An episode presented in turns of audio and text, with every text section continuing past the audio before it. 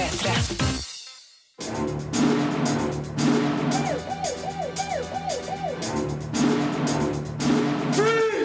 Filmpolitiet! What's your name, dude? Birger Vestmo. What kind of stupid name is that? Terningkastene tre, fire, fem og seks skal deles ut i dagens eh, filmpoliti. Sekseren går til The Act of Killing, en uforglemmelig dokumentar. Femmeren til Filomena med Judy Dench i hovedrollen. Fireren til Blå er den varmeste fargen, årets gullpalmevinner fra Cannes. Og treeren går til både den bleike remaken av skrekkfilmen Carrie og til Ridley Scotts tamme krimdrama The Counselor. Du får òg høre hvordan regissør Joshua Oppenheimer fikk indonesiske massemordere til å gjenskape egne ugjerninger i The Act of Killing, mens svenske Lukas Moodysson forteller hvorfor han er tilbake i et lystig hjørne i premierefilmen Vi er best. Jeg kjenner ei som heter Carrie, og når jeg møter hun så tenker jeg på to ting. Jeg tenker på powerballaden til Europe fra 1980-tallet, og på Brian De Palmas skrekkfilm fra 70-tallet. Førstnevnte trenger vi kanskje ingen remake av, men gjør vi det av sistnevnte? Vel, vi har fått den. Remaken av Carrie har premiere i dag, og anmeldes av Andreas Hatzel Opsvik. You go to your. Stephen King er ikke død enda. Han er 66 år gammel og har enda noen skrivende år igjen. Jeg er dog sikker på at han ruller én ekstra gang rundt i senga på premieredagen til nyversjonen av Carrie. Regissør Brian De Palma skulle sikkert ønske at hans versjon av Carrie fra 1976 hadde tilgangen på de samme visuelle effektene som det regissør Kimberly Pearce har i sin nyskaping. Men det er òg blant de få forbedringene fra skrekklassikeren.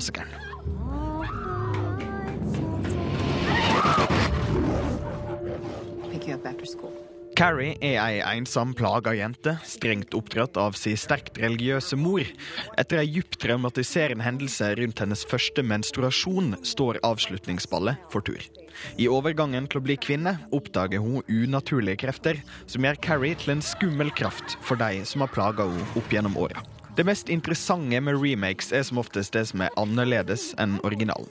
Her er det dog såpass åpenbart at utgangspunktet har vært den forrige filmen, ikke helt ulikt fjorårets Total Recall, til den grad at forskjellene i stor grad er rundt små detaljer. 2013-versjonen av Carrie trekker i stor grad vekk det åpenbart erotiske fra originalen, mens volden i siste scene er skrudd opp. Der er tredje gang Stephen Kings debutroman blir filmatisert, uten egentlig å gi noe mer til fortellingen. You pray, little girl. Pray for forgiveness. Det erotiske er i stedet tatt med i flere tillagte symbol for kvinnelig kjønnsorgan og fødsel. I stedet for 70-tallets askebeger er det vannet som går, i form av en knust vannkjøler. I stedet for en nedslått dør er det ei djup vertikal flenge som mora presser seg ut av, osv. Akkurat det er sikkert symboltunge Stephen King fornøyd med. Chloé Moretz spiller hovedrolla som Carrie greit nok, selv om figurens overgang til den mørke sida ser mest ut som hun har fått beskjed om å røre seg som Madonna i 90-tallshiten Frozen. Der slår kanskje ikke Cece SpaceX sine vidåpne, intense øyne, men eh, Carrie er fremdeles en sterk kraft i denne filmen. Julianne Moores rolle som den forvridde mora er mindre overdreven enn i 1976-versjonen, og mer tvangstankefokusert skrevet. Ei forbedring i mine øyne. Kimberly Pearce har erfaring med å framvise seksuell frustrasjon, deriblant i fantastisk sterke Boys Don't Cry. Forskjellen der var at det visuelle ble støtta opp av et sterkt manus og med flere harde kanter. Utstrakt symbolbruk til tross, mye av det seksuelt spennende med Carrie er glatta over og gjort mer spiselig. Originalen var heller ikke feilfri, men den fikk oppmerksomhet pga. gjennomgående ekkel stemning og ei storslått avslutning. Når en remake bare tar på seg de samme skoene og i all hovedsak går de samme trinna langs stien, så ender den opp med å bli lite annet enn en bleik kopi. Filmens siste scene er dog endra til noe som kanskje åpner for en oppfølger. Nei, fy, legg seg, dekk, bli, carry, spill, død. You know the devil never dies. Keeps coming back. You gotta keep killing him. Dette er Filmpolitiet på P3. Carrie ble anmeldt av Andreas Hatzel Opsvik. Se, les og kommenter anmeldelsen på p3.no filmpolitiet. Jeg skal anmelde mer premierefilm. Filmpolitiet.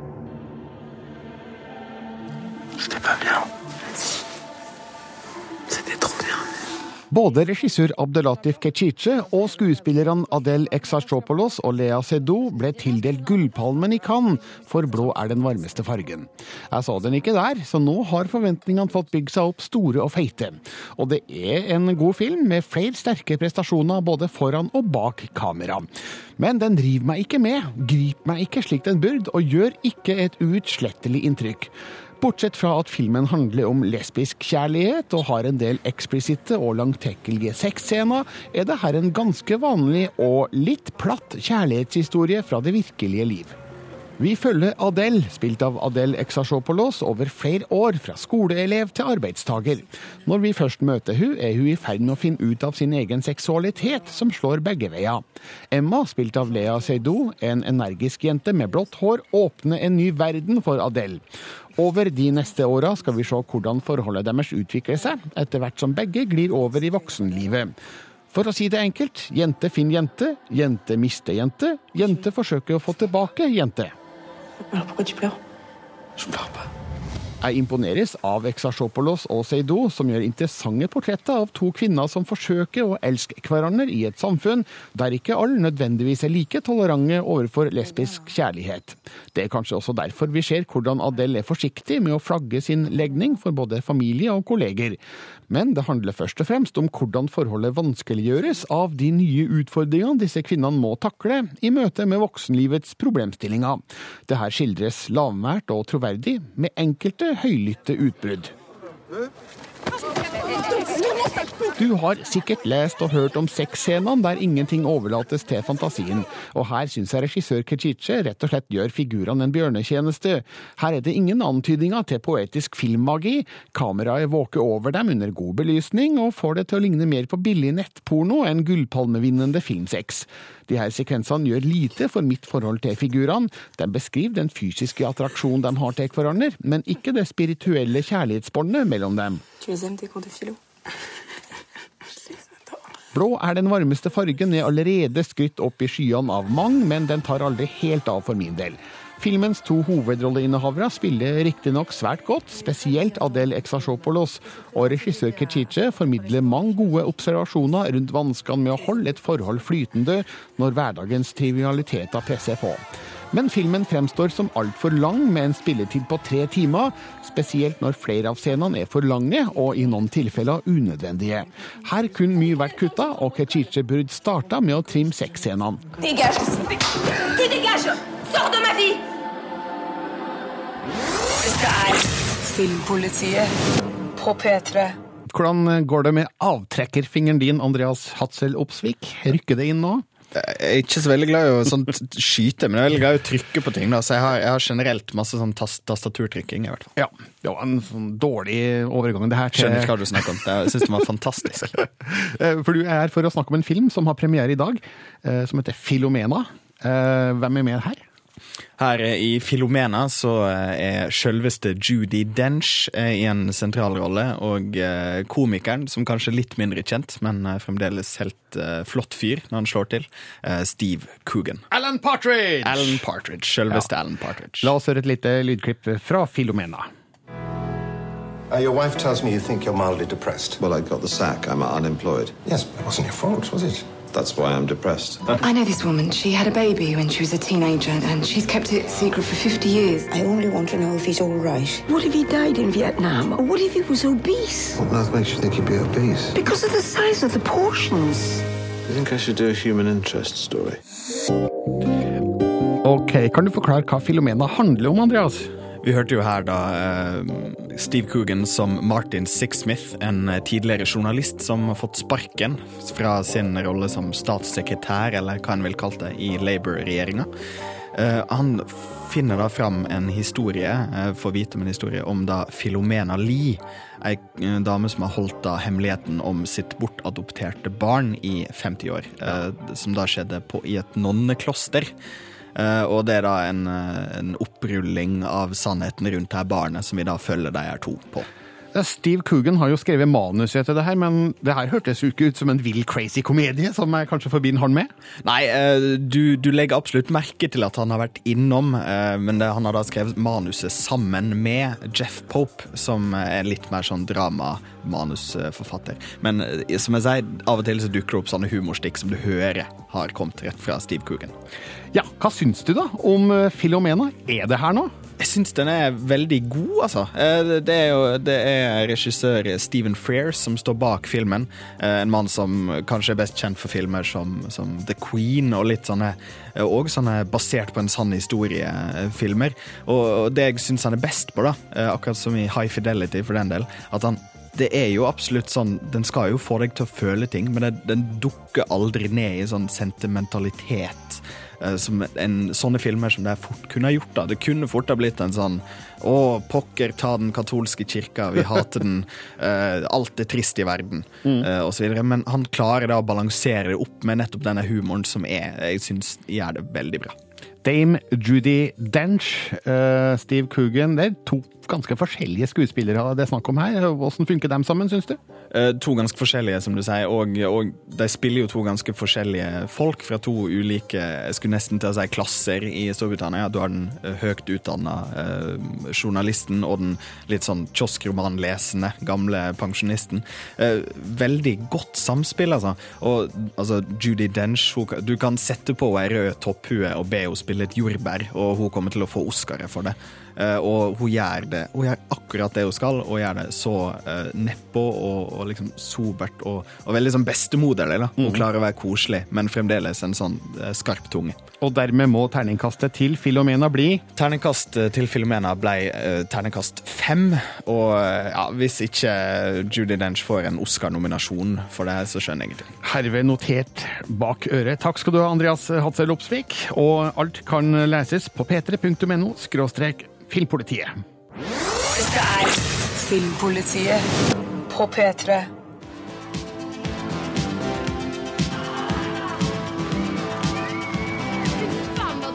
Den svenske regissøren Lukas Moodysson har laga film basert på kona Coco Moodyssons tegneserie om tre Stockholm-jenter som startet punkband i 1982. Det er søtt og morsomt, og Moodysson forteller historien med frisk og punkete energi. Men filmen mangler en skikkelig konflikt til å drive historien fremover.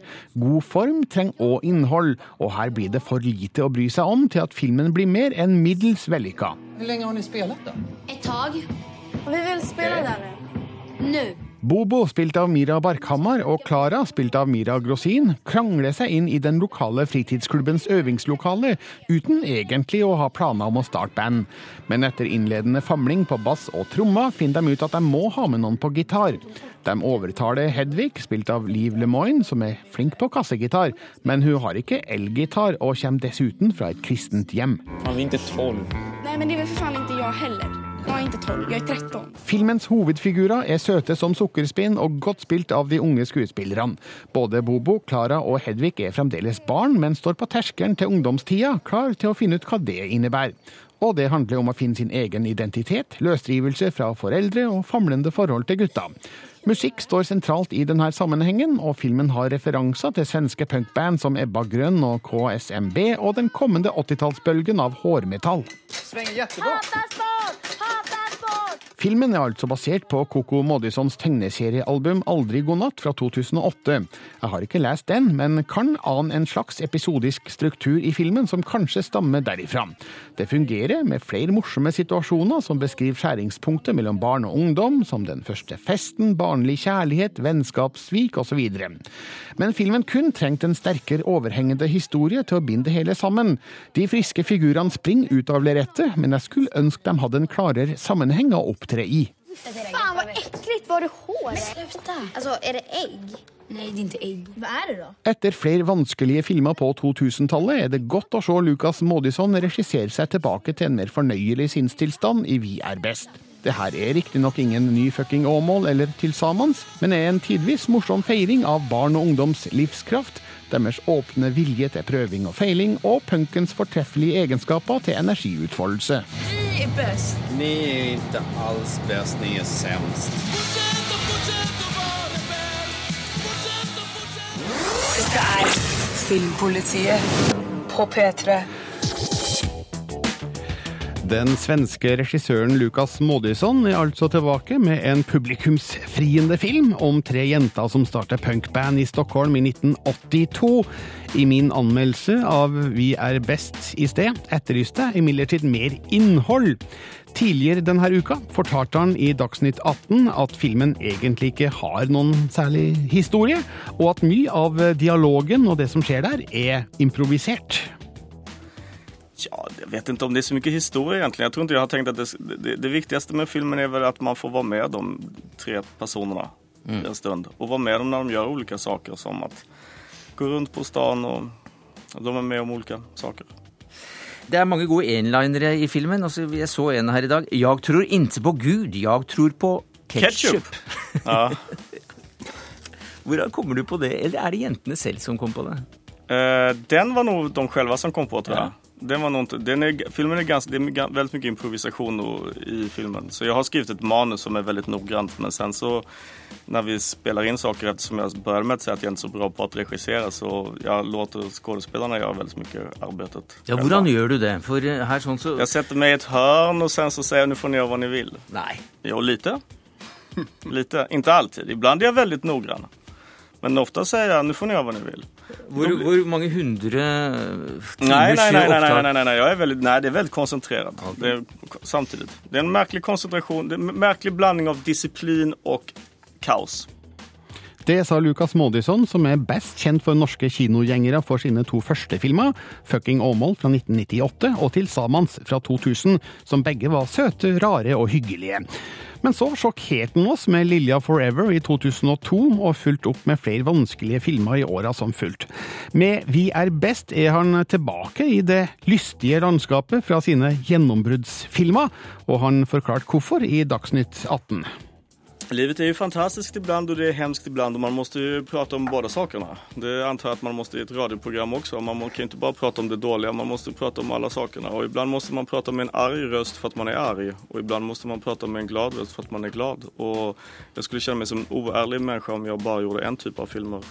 Og dessutom är jag alldeles för, för, alldeles för förvirrad och osäker på vad jag tycker och tänker om saker för att bara driva en linje hela tiden. Så det var roligt att höra vad du sa om mig, men jag är inte riktigt så säker på att jag känner att jag har den typen av politisk agenda som du kanske beskrev. För jag känner mig nog lite mer osäker på vad jag tycker om nästan allting. Men i den siste filmen din så er det vel en oppfordring også til unge jenter i dag at Men inte så mycket politiskt. Det är mer att man ska, det är, mer, det är ju mer en, upp, upp, en uppfordring att man i största allmänhet ska s- tycka om sig själv även när folk inte tycker om en. Men det virker det som du vil noe med filmene dine. Men det kan jeg kjenne at att det, det kan jeg oppleve iblant at det, altså det var ikke mitt mål med filmen som sådan men det kan jeg kjenne når filmen i dag møter publiken og det handler om tre personer som ingen syns at de er bra og de tycker själva ändå att de er bra. Og det er en attityd som jeg tycker saknas kanske i världen idag när man kanskje jagar att bli omtyckt og man jager jagar likes på Facebook og man liksom hele hela tiden att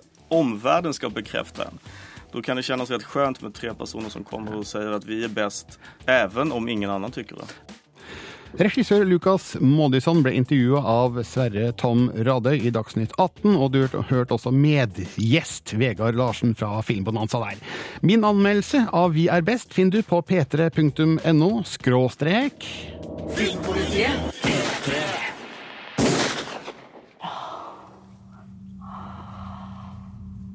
Life is being in bed with you. Everything else is just waiting. Jeg venter på enhver ny film fra regissør Ridley Scott med store forventninger. The Counselor er dessverre en skuffelse.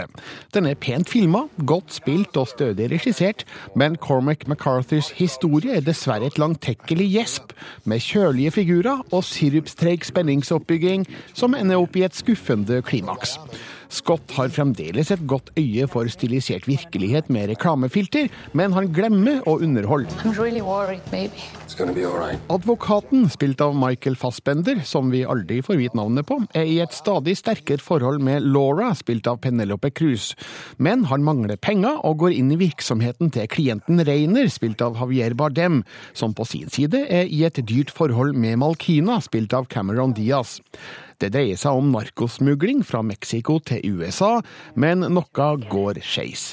Både advokaten og Reiner er uten skyld i det som skjer, men det skal vise seg at det her ikke er så viktig for narkotikakartellet som eier forsendelsen. They think we're all involved, don't they? No. Just you, counselor. Det tar lang tid før historien kommer skikkelig i gang. Før det her forsøker Scott å bygge opp figurene. Både Fassbender, Cruz, Bardem og Diaz spiller godt, men figurene deres er litt for tynne, karikerte og overfladiske til at jeg bryr meg særlig om dem. De prater mye, men dialogen sier lite om hvem de er og hva de vil. Advokaten og Reiner har bl.a. lange samtaler om kvinner og sex, gjerne i nedverdigende ordvendinger, men det gjør meg ikke klokere på dem. Best er Brad Pitt i en liten rolle som mellommann, sjøl om figurens handlinger mot slutten undergraver hvordan han introduseres. You should be careful what. Ridley Scott har alltid vært en spesielt visuell regissør. I The Counselor får han hjelp av fotograf Darius Wolski til å skape gylne kontraster mellom det eksklusive luksuslivet figurene ønsker å leve, og det skitne, blodige miljøet som forretningene deres foregår i. Historien beveger seg mellom overklassesteder fylt av åpenbare produktplasseringer av både øl, biler, klokker, computere og hotellkjeder, til skuddvekslinger i øde ørken, smuglerlass i kloakk og fattige håndlangere på den lavere delen av næringskjeden. You're in trouble. Jeg skulle ønske jeg likte The Counselor bedre. Jeg har fremdeles en svakhet for Ridley Scott. Men det her syns jeg er en av hans svakeste filmer, med en lite tiltrekkende historie, kjedelige figurer og lavt spenningsnivå. Jeg hater å kjede meg på kino, men det var nettopp det som skjedde da jeg så The Counselor. Ridley Scott begynner å bli en gammel mann. Jeg tør påstå at han ikke har tid til å lage flere slike filmer. The is probably beyond our imagining. P3. Andre verdenskrig er fremdeles et populært eh, tema på kino og TV, men det er forholdsvis sjelden vi får det fra tysk side, Andreas Hatzel Opsvik? Ja, eh, det har jeg i hvert fall eh, forsøkt, og jeg mener jo det har klart det ganske bra med TV-serien Krigens unge hjerte. Som starta på NRK1 tirsdag. La oss høre litt lyd fra serien. Erinnerst du dich noch an unseren letzten Abend in Berlin? Ich hatte recht. Der Krieg wird nur das Schlechteste in uns zum Vorschein bringen.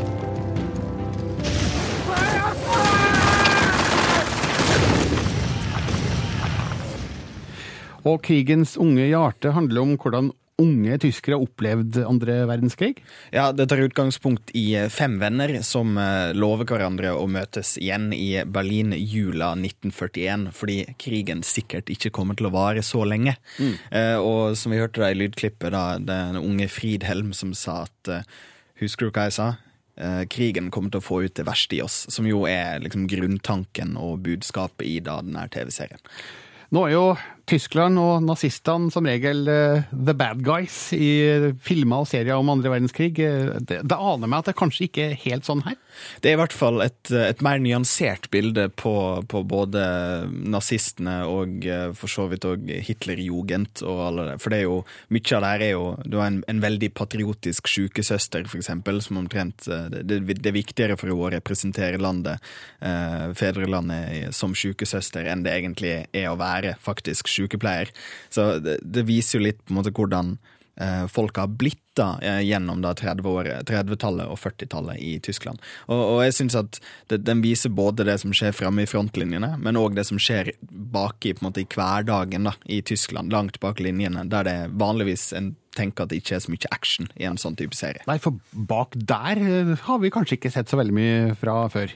Nei, og det er jo nettopp det som eh, jeg syns gjør Krigens unge hjerte, hjerte, såpass bra. da, Det er nettopp det at det, det viser oss hele bildet eh, fra en, en, et krigsscenario. Både de som er helt framme, eh, de som er hakket bak fronten, og da nettopp i, i den hverdagen. Hva med tidskoloritt og krigsaction? Altså, er det, er det nok her til å overbevise deg om at dette faktisk foregår under andre verdenskrig? Det, det, det er godt produsert. altså det, ser veldig bra ut. Det er en, en, en sånn det, har fått på en måte en omtale som Tysklands Band of Brothers, altså den HBO-serien som kom ut for, for, en del år siden, som på en måte ble da et sånt stort, fantastisk, nydelig krigsserie. Mm. Og, og, det her gjør jo litt av det samme, bare at det tar da, det tar da nettopp den derre hele spekteret av krigsopplevelser. Du har gitt terningkast fem til krigens unge hjerte. Ja, jeg syns trakk litt, for det, det, det blir så det, det, har veldig mange skanser, og det flytter seg frem og tilbake. Så ikke helt perfekt, men, men en, en absolutt sjåverdig serie. Anmeldelsen finner du på p3.no filmpolitiet. Krigens unge hjerte går tirsdager på NRK1. Fikk du ikke med deg første episode, så ligger den ute i nett-TV-en på tv.nrk.no. Wait a minute! 555 not a real number. They only use that in the movies. No shit, honey. What do you think this is? Real life? Filmpolitiet. En av dagens premierefilmer handler om real life. Dessverre, får en si.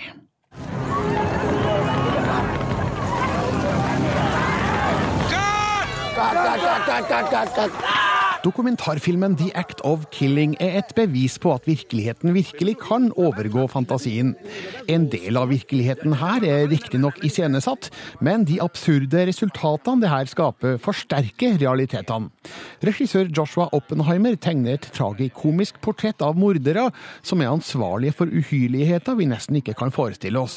Filmen beskriver hvor enkelt vi mennesker kan ty til ekstreme handlinger, og hvor vanskelig det kan være å konfrontere oss med det etterpå. Det her er en av filmene jeg aldri kommer til å glemme. Ini bapak yang PKI ini yang ngajar nih. Bakgrunnen er opprenskinga av mistenkte kommunister i Indonesia i 1965 og 66. Dødsskvadroner kidnappa, torturert og drept rundt en million mennesker med myndighetenes velsignelse. Regissør Oppenheimer har filma flere av de som utførte de her drapene, med et spesielt fokus på den spesielle figuren Anwar Kongo. Han ikke bare skryter av sine ugjerninger, han virker rett og slett godt fornøyd med det han har utretta, og er høyt respektert i sine omgivelser.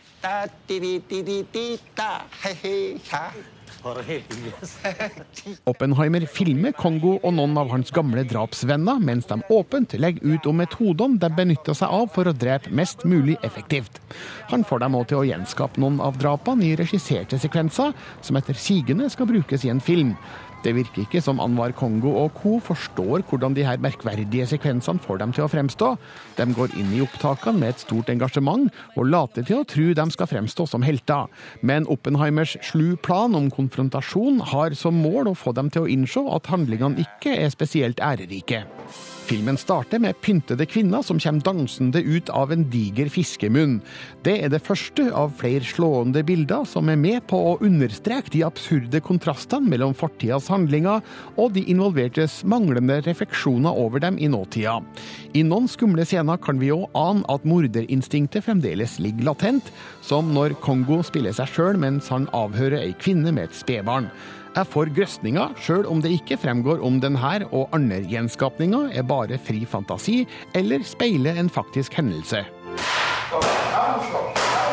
The Act of Killing er en uhyre sterk dokumentarfilm der Joshua Oppenheimer gjør noen modige regigrep som raskt kun har slått grusomt feil. Men ved hjelp av kløktig diplomati og varsomme fremstøt greier han å dreie mordernes tankegang rundt ugjerningene fra å oppfattes som en herlig drapsfest, til den kullsorte tragedien det jo faktisk var. The Act of Killing er en svært modig film som fremstår som en uforglemmelig triumf. And the Oscar goes to prikk, prikk, prikk? spørsmålstegn. Bayangin di gelap gulita ini, kita hidup itu seperti dunia hampir kiamat. Dette er Filmpolitiet med Birger Vestmo. The Act of Killing er altså regissert av Joshua Oppenheimer. Jeg møtte han da han gjesta Bergen internasjonale filmfestival i oktober, og på en et kvarter lang spasertur gjennom byen fortalte han om bakgrunnen for hvordan filmen ble til, og hvordan han kom i kontakt med de som sto bak folkemordet på 60-tallet. So how come you went to Indonesia in the first place?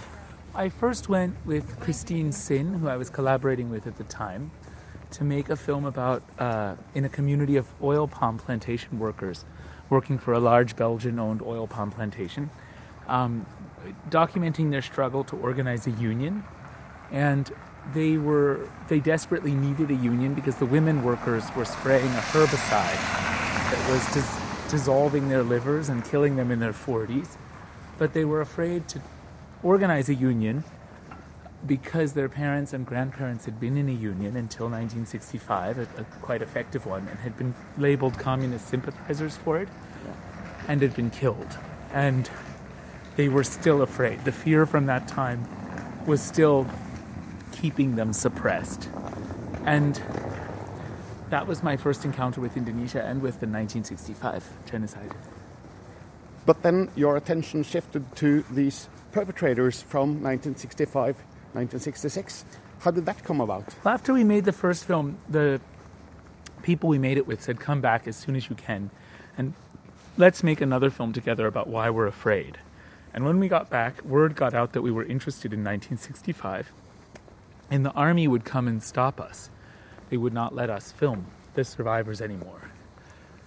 The survivors were not allowed to tell their stories, and the Meanwhile, the, then the survivor said, okay, if we can't talk, why don't you film certain neighbors in this village who were involved with the killings, who were death squad leaders, and hopefully they will be, maybe they'll be able to tell you stories about, they'll be able to tell you how our relatives were killed.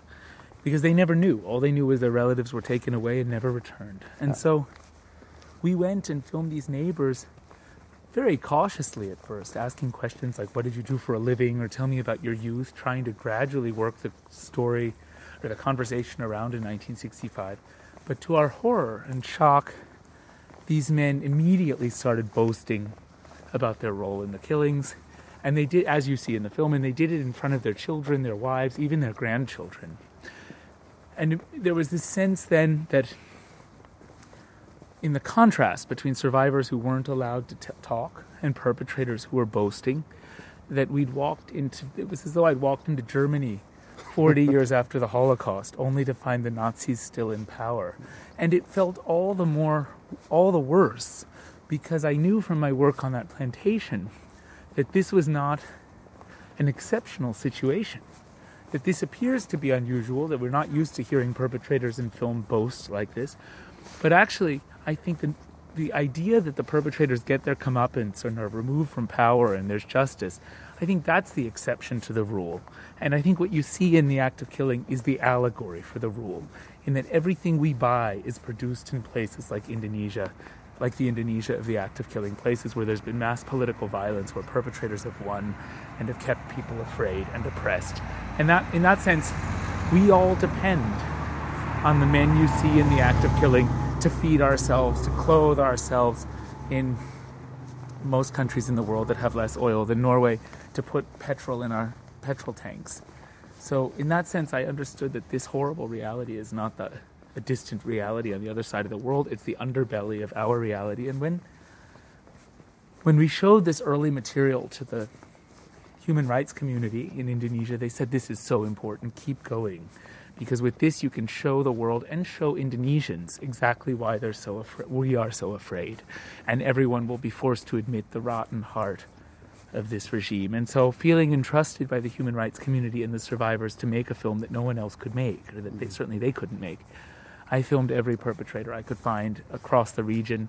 And Anwar, the main character in the act of killing, was the 41st perpetrator I filmed.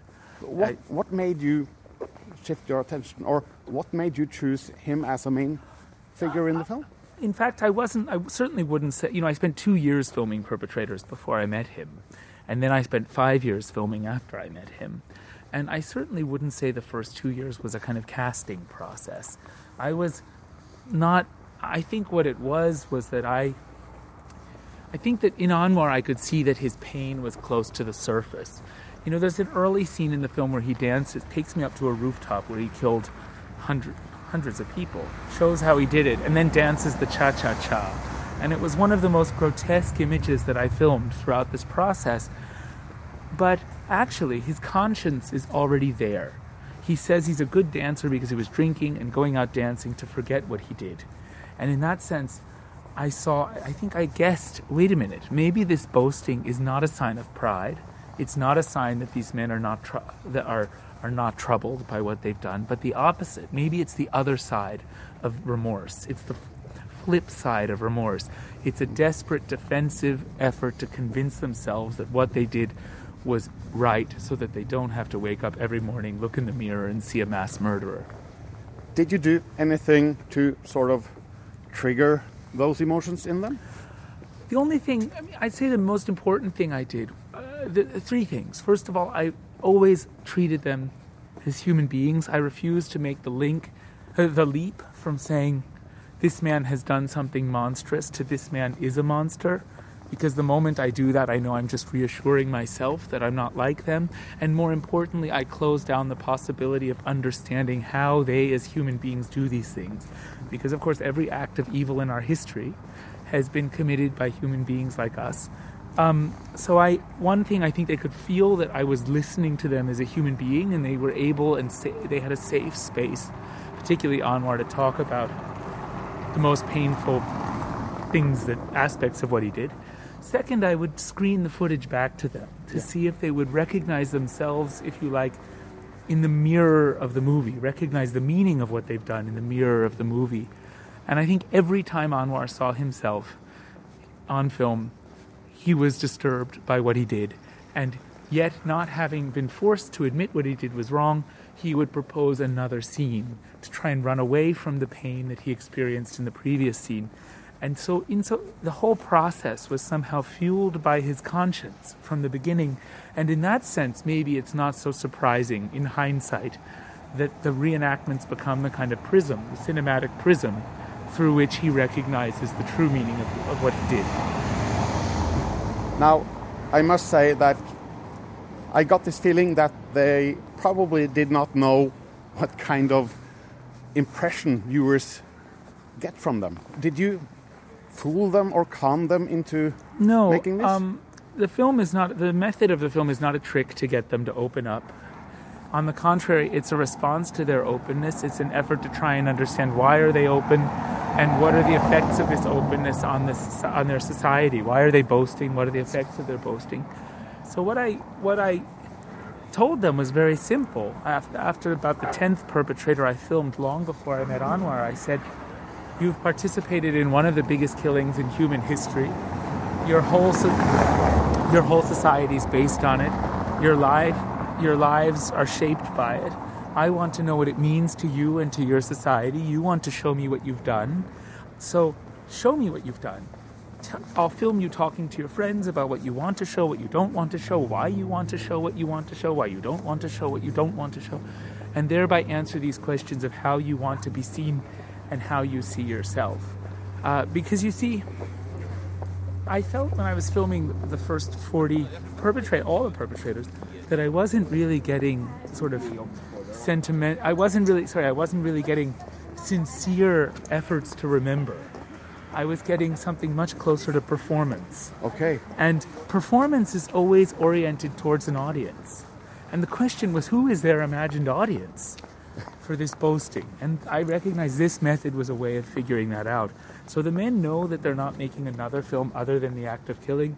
You see a number of the men realize in the film what the act of killing will do and decide to leave the film, like Adi, who says if we succeed in making this film, it'll turn the history on its head. And indeed, he's right. That's what the film has done in Indonesia. And so they know they're not making another film, and they know the material that's in the film, and of course, they've seen the finished film. I think Anwar chose to continue despite the warnings because somehow he is using the film to run away from his pain and to deal with his pain. And he feels listened to. Someone's listening to him, finally. When he watched the film, the finished film at the end, he said, Josh, this film shows what it's like to be me. And I'm relieved to finally have been able to, to show the meaning of this, not just talk about what I did, but actually show what it means. And he and I remain in touch every every few weeks. So this documentary functions as a form of catalyst for him to work through the things he did back then. It does, but I would certainly take pains to say that my loyalties throughout the process my was were not to him. I'm not a drama therapist whose loyalty was him to him as my patient.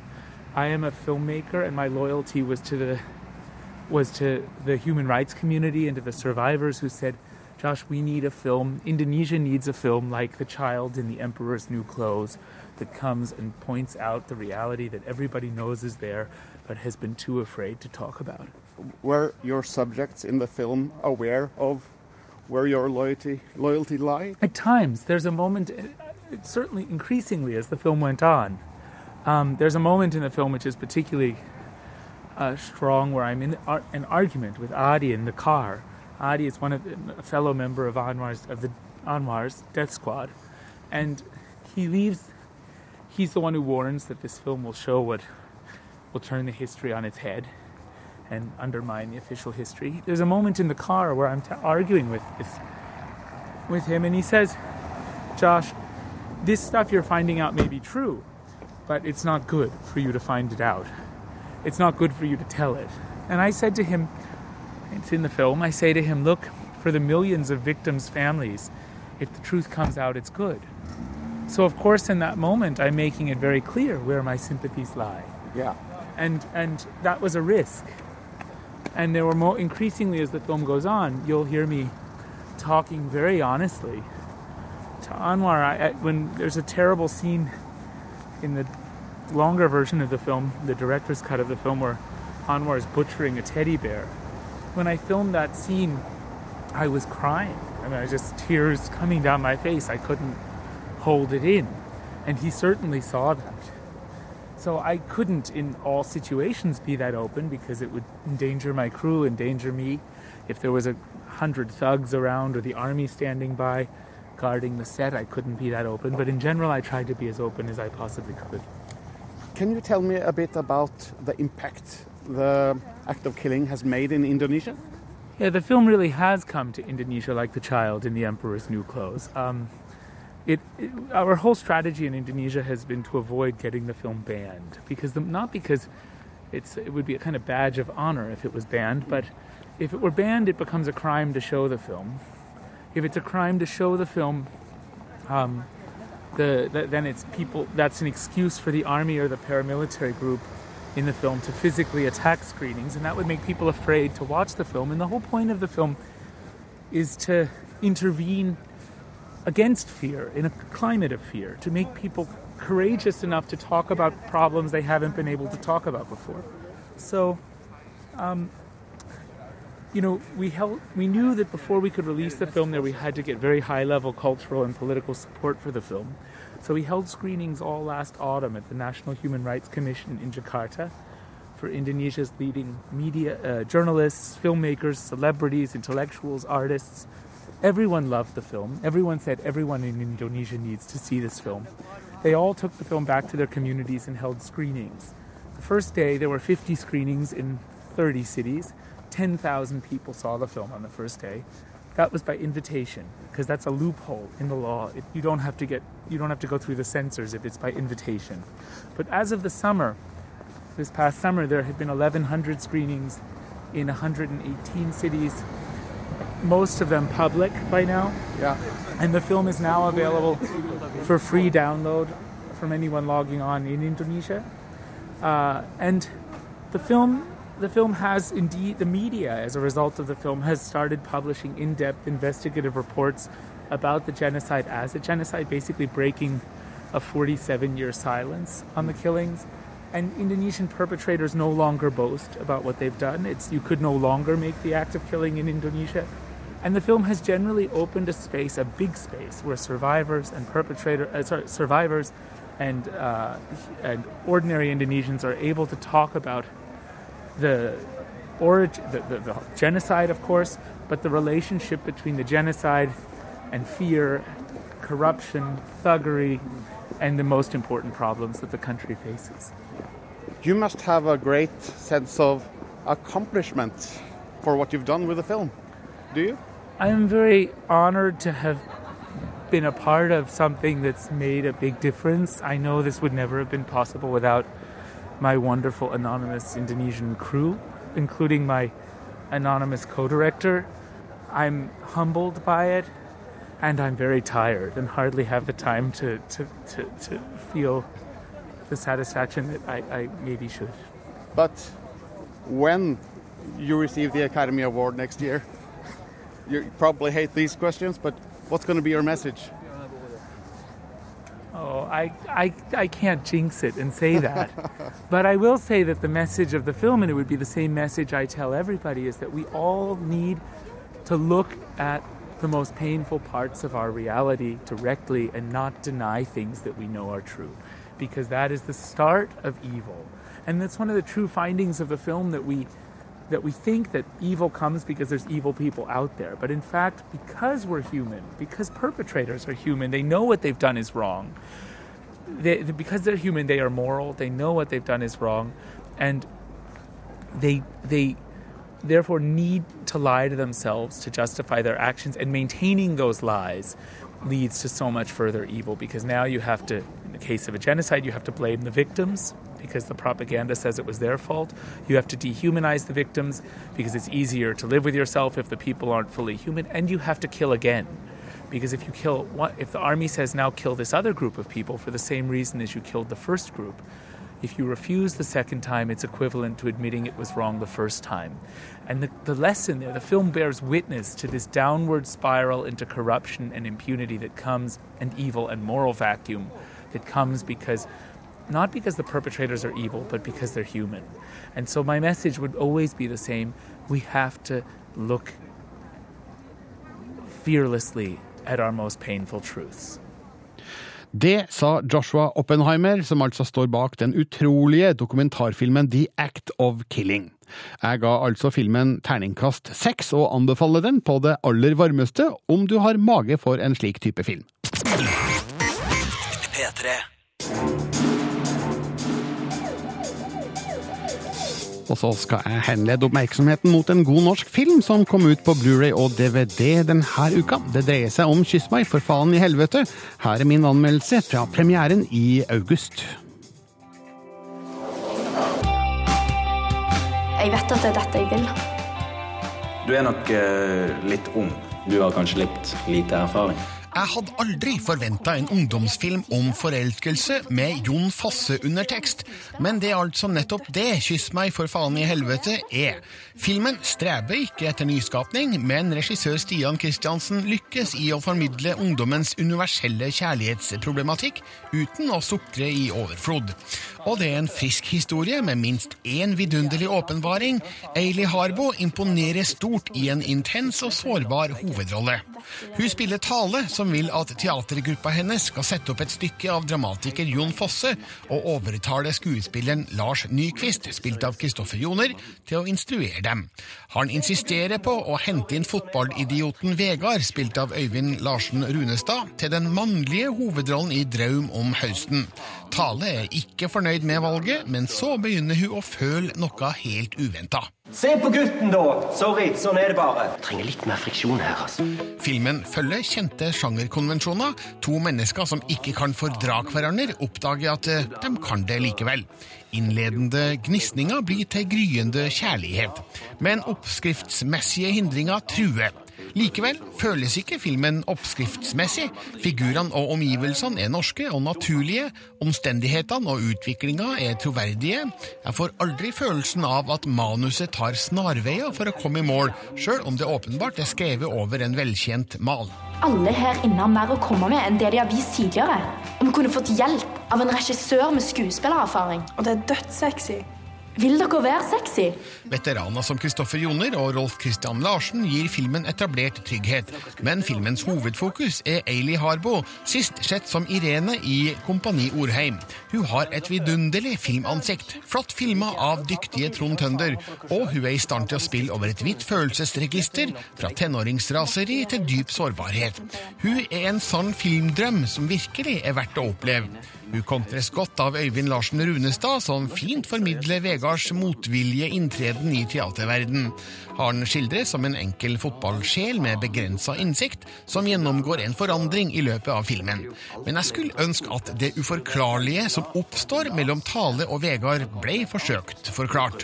Kjærlighetens veier er i sannhet uransakelige. Jeg har kommet med et annet forslag. Jeg vil prøve deg ut for en rolle i teaterstykket vårt. Faen, jeg kan bare drite i? Um, dump. Enkelte av bifigurene har nok et preg av amatørspill over seg, men scorer høyt på sjarmfaktor. La gå at filmens grunnkonsept er sett før, og at Jon Fosse-elementet går litt over hodet på meg. Det her er en søt publikumstreffer som etterlot meg med en god følelse. Stian Kristiansen leverer sin tredje solide spillefilm, og Ailey Harbo fremstår som en svært spennende skuespiller. Faen, skal vi kline òg? Ikke meg og deg. Vi er jo i rolle. Hva er du forelska i eller?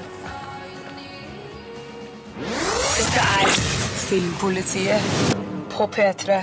Kyss meg for faen i helvete er nå ut på Blu-ray og DVD og er anbefalt av Filmpolitiet. Dagens program er over. Jeg heter Birger Vestmo. Les alle anmeldelser på p3.no filmpolitiet. Ha det! Hør flere podkaster på nrk.no podkast.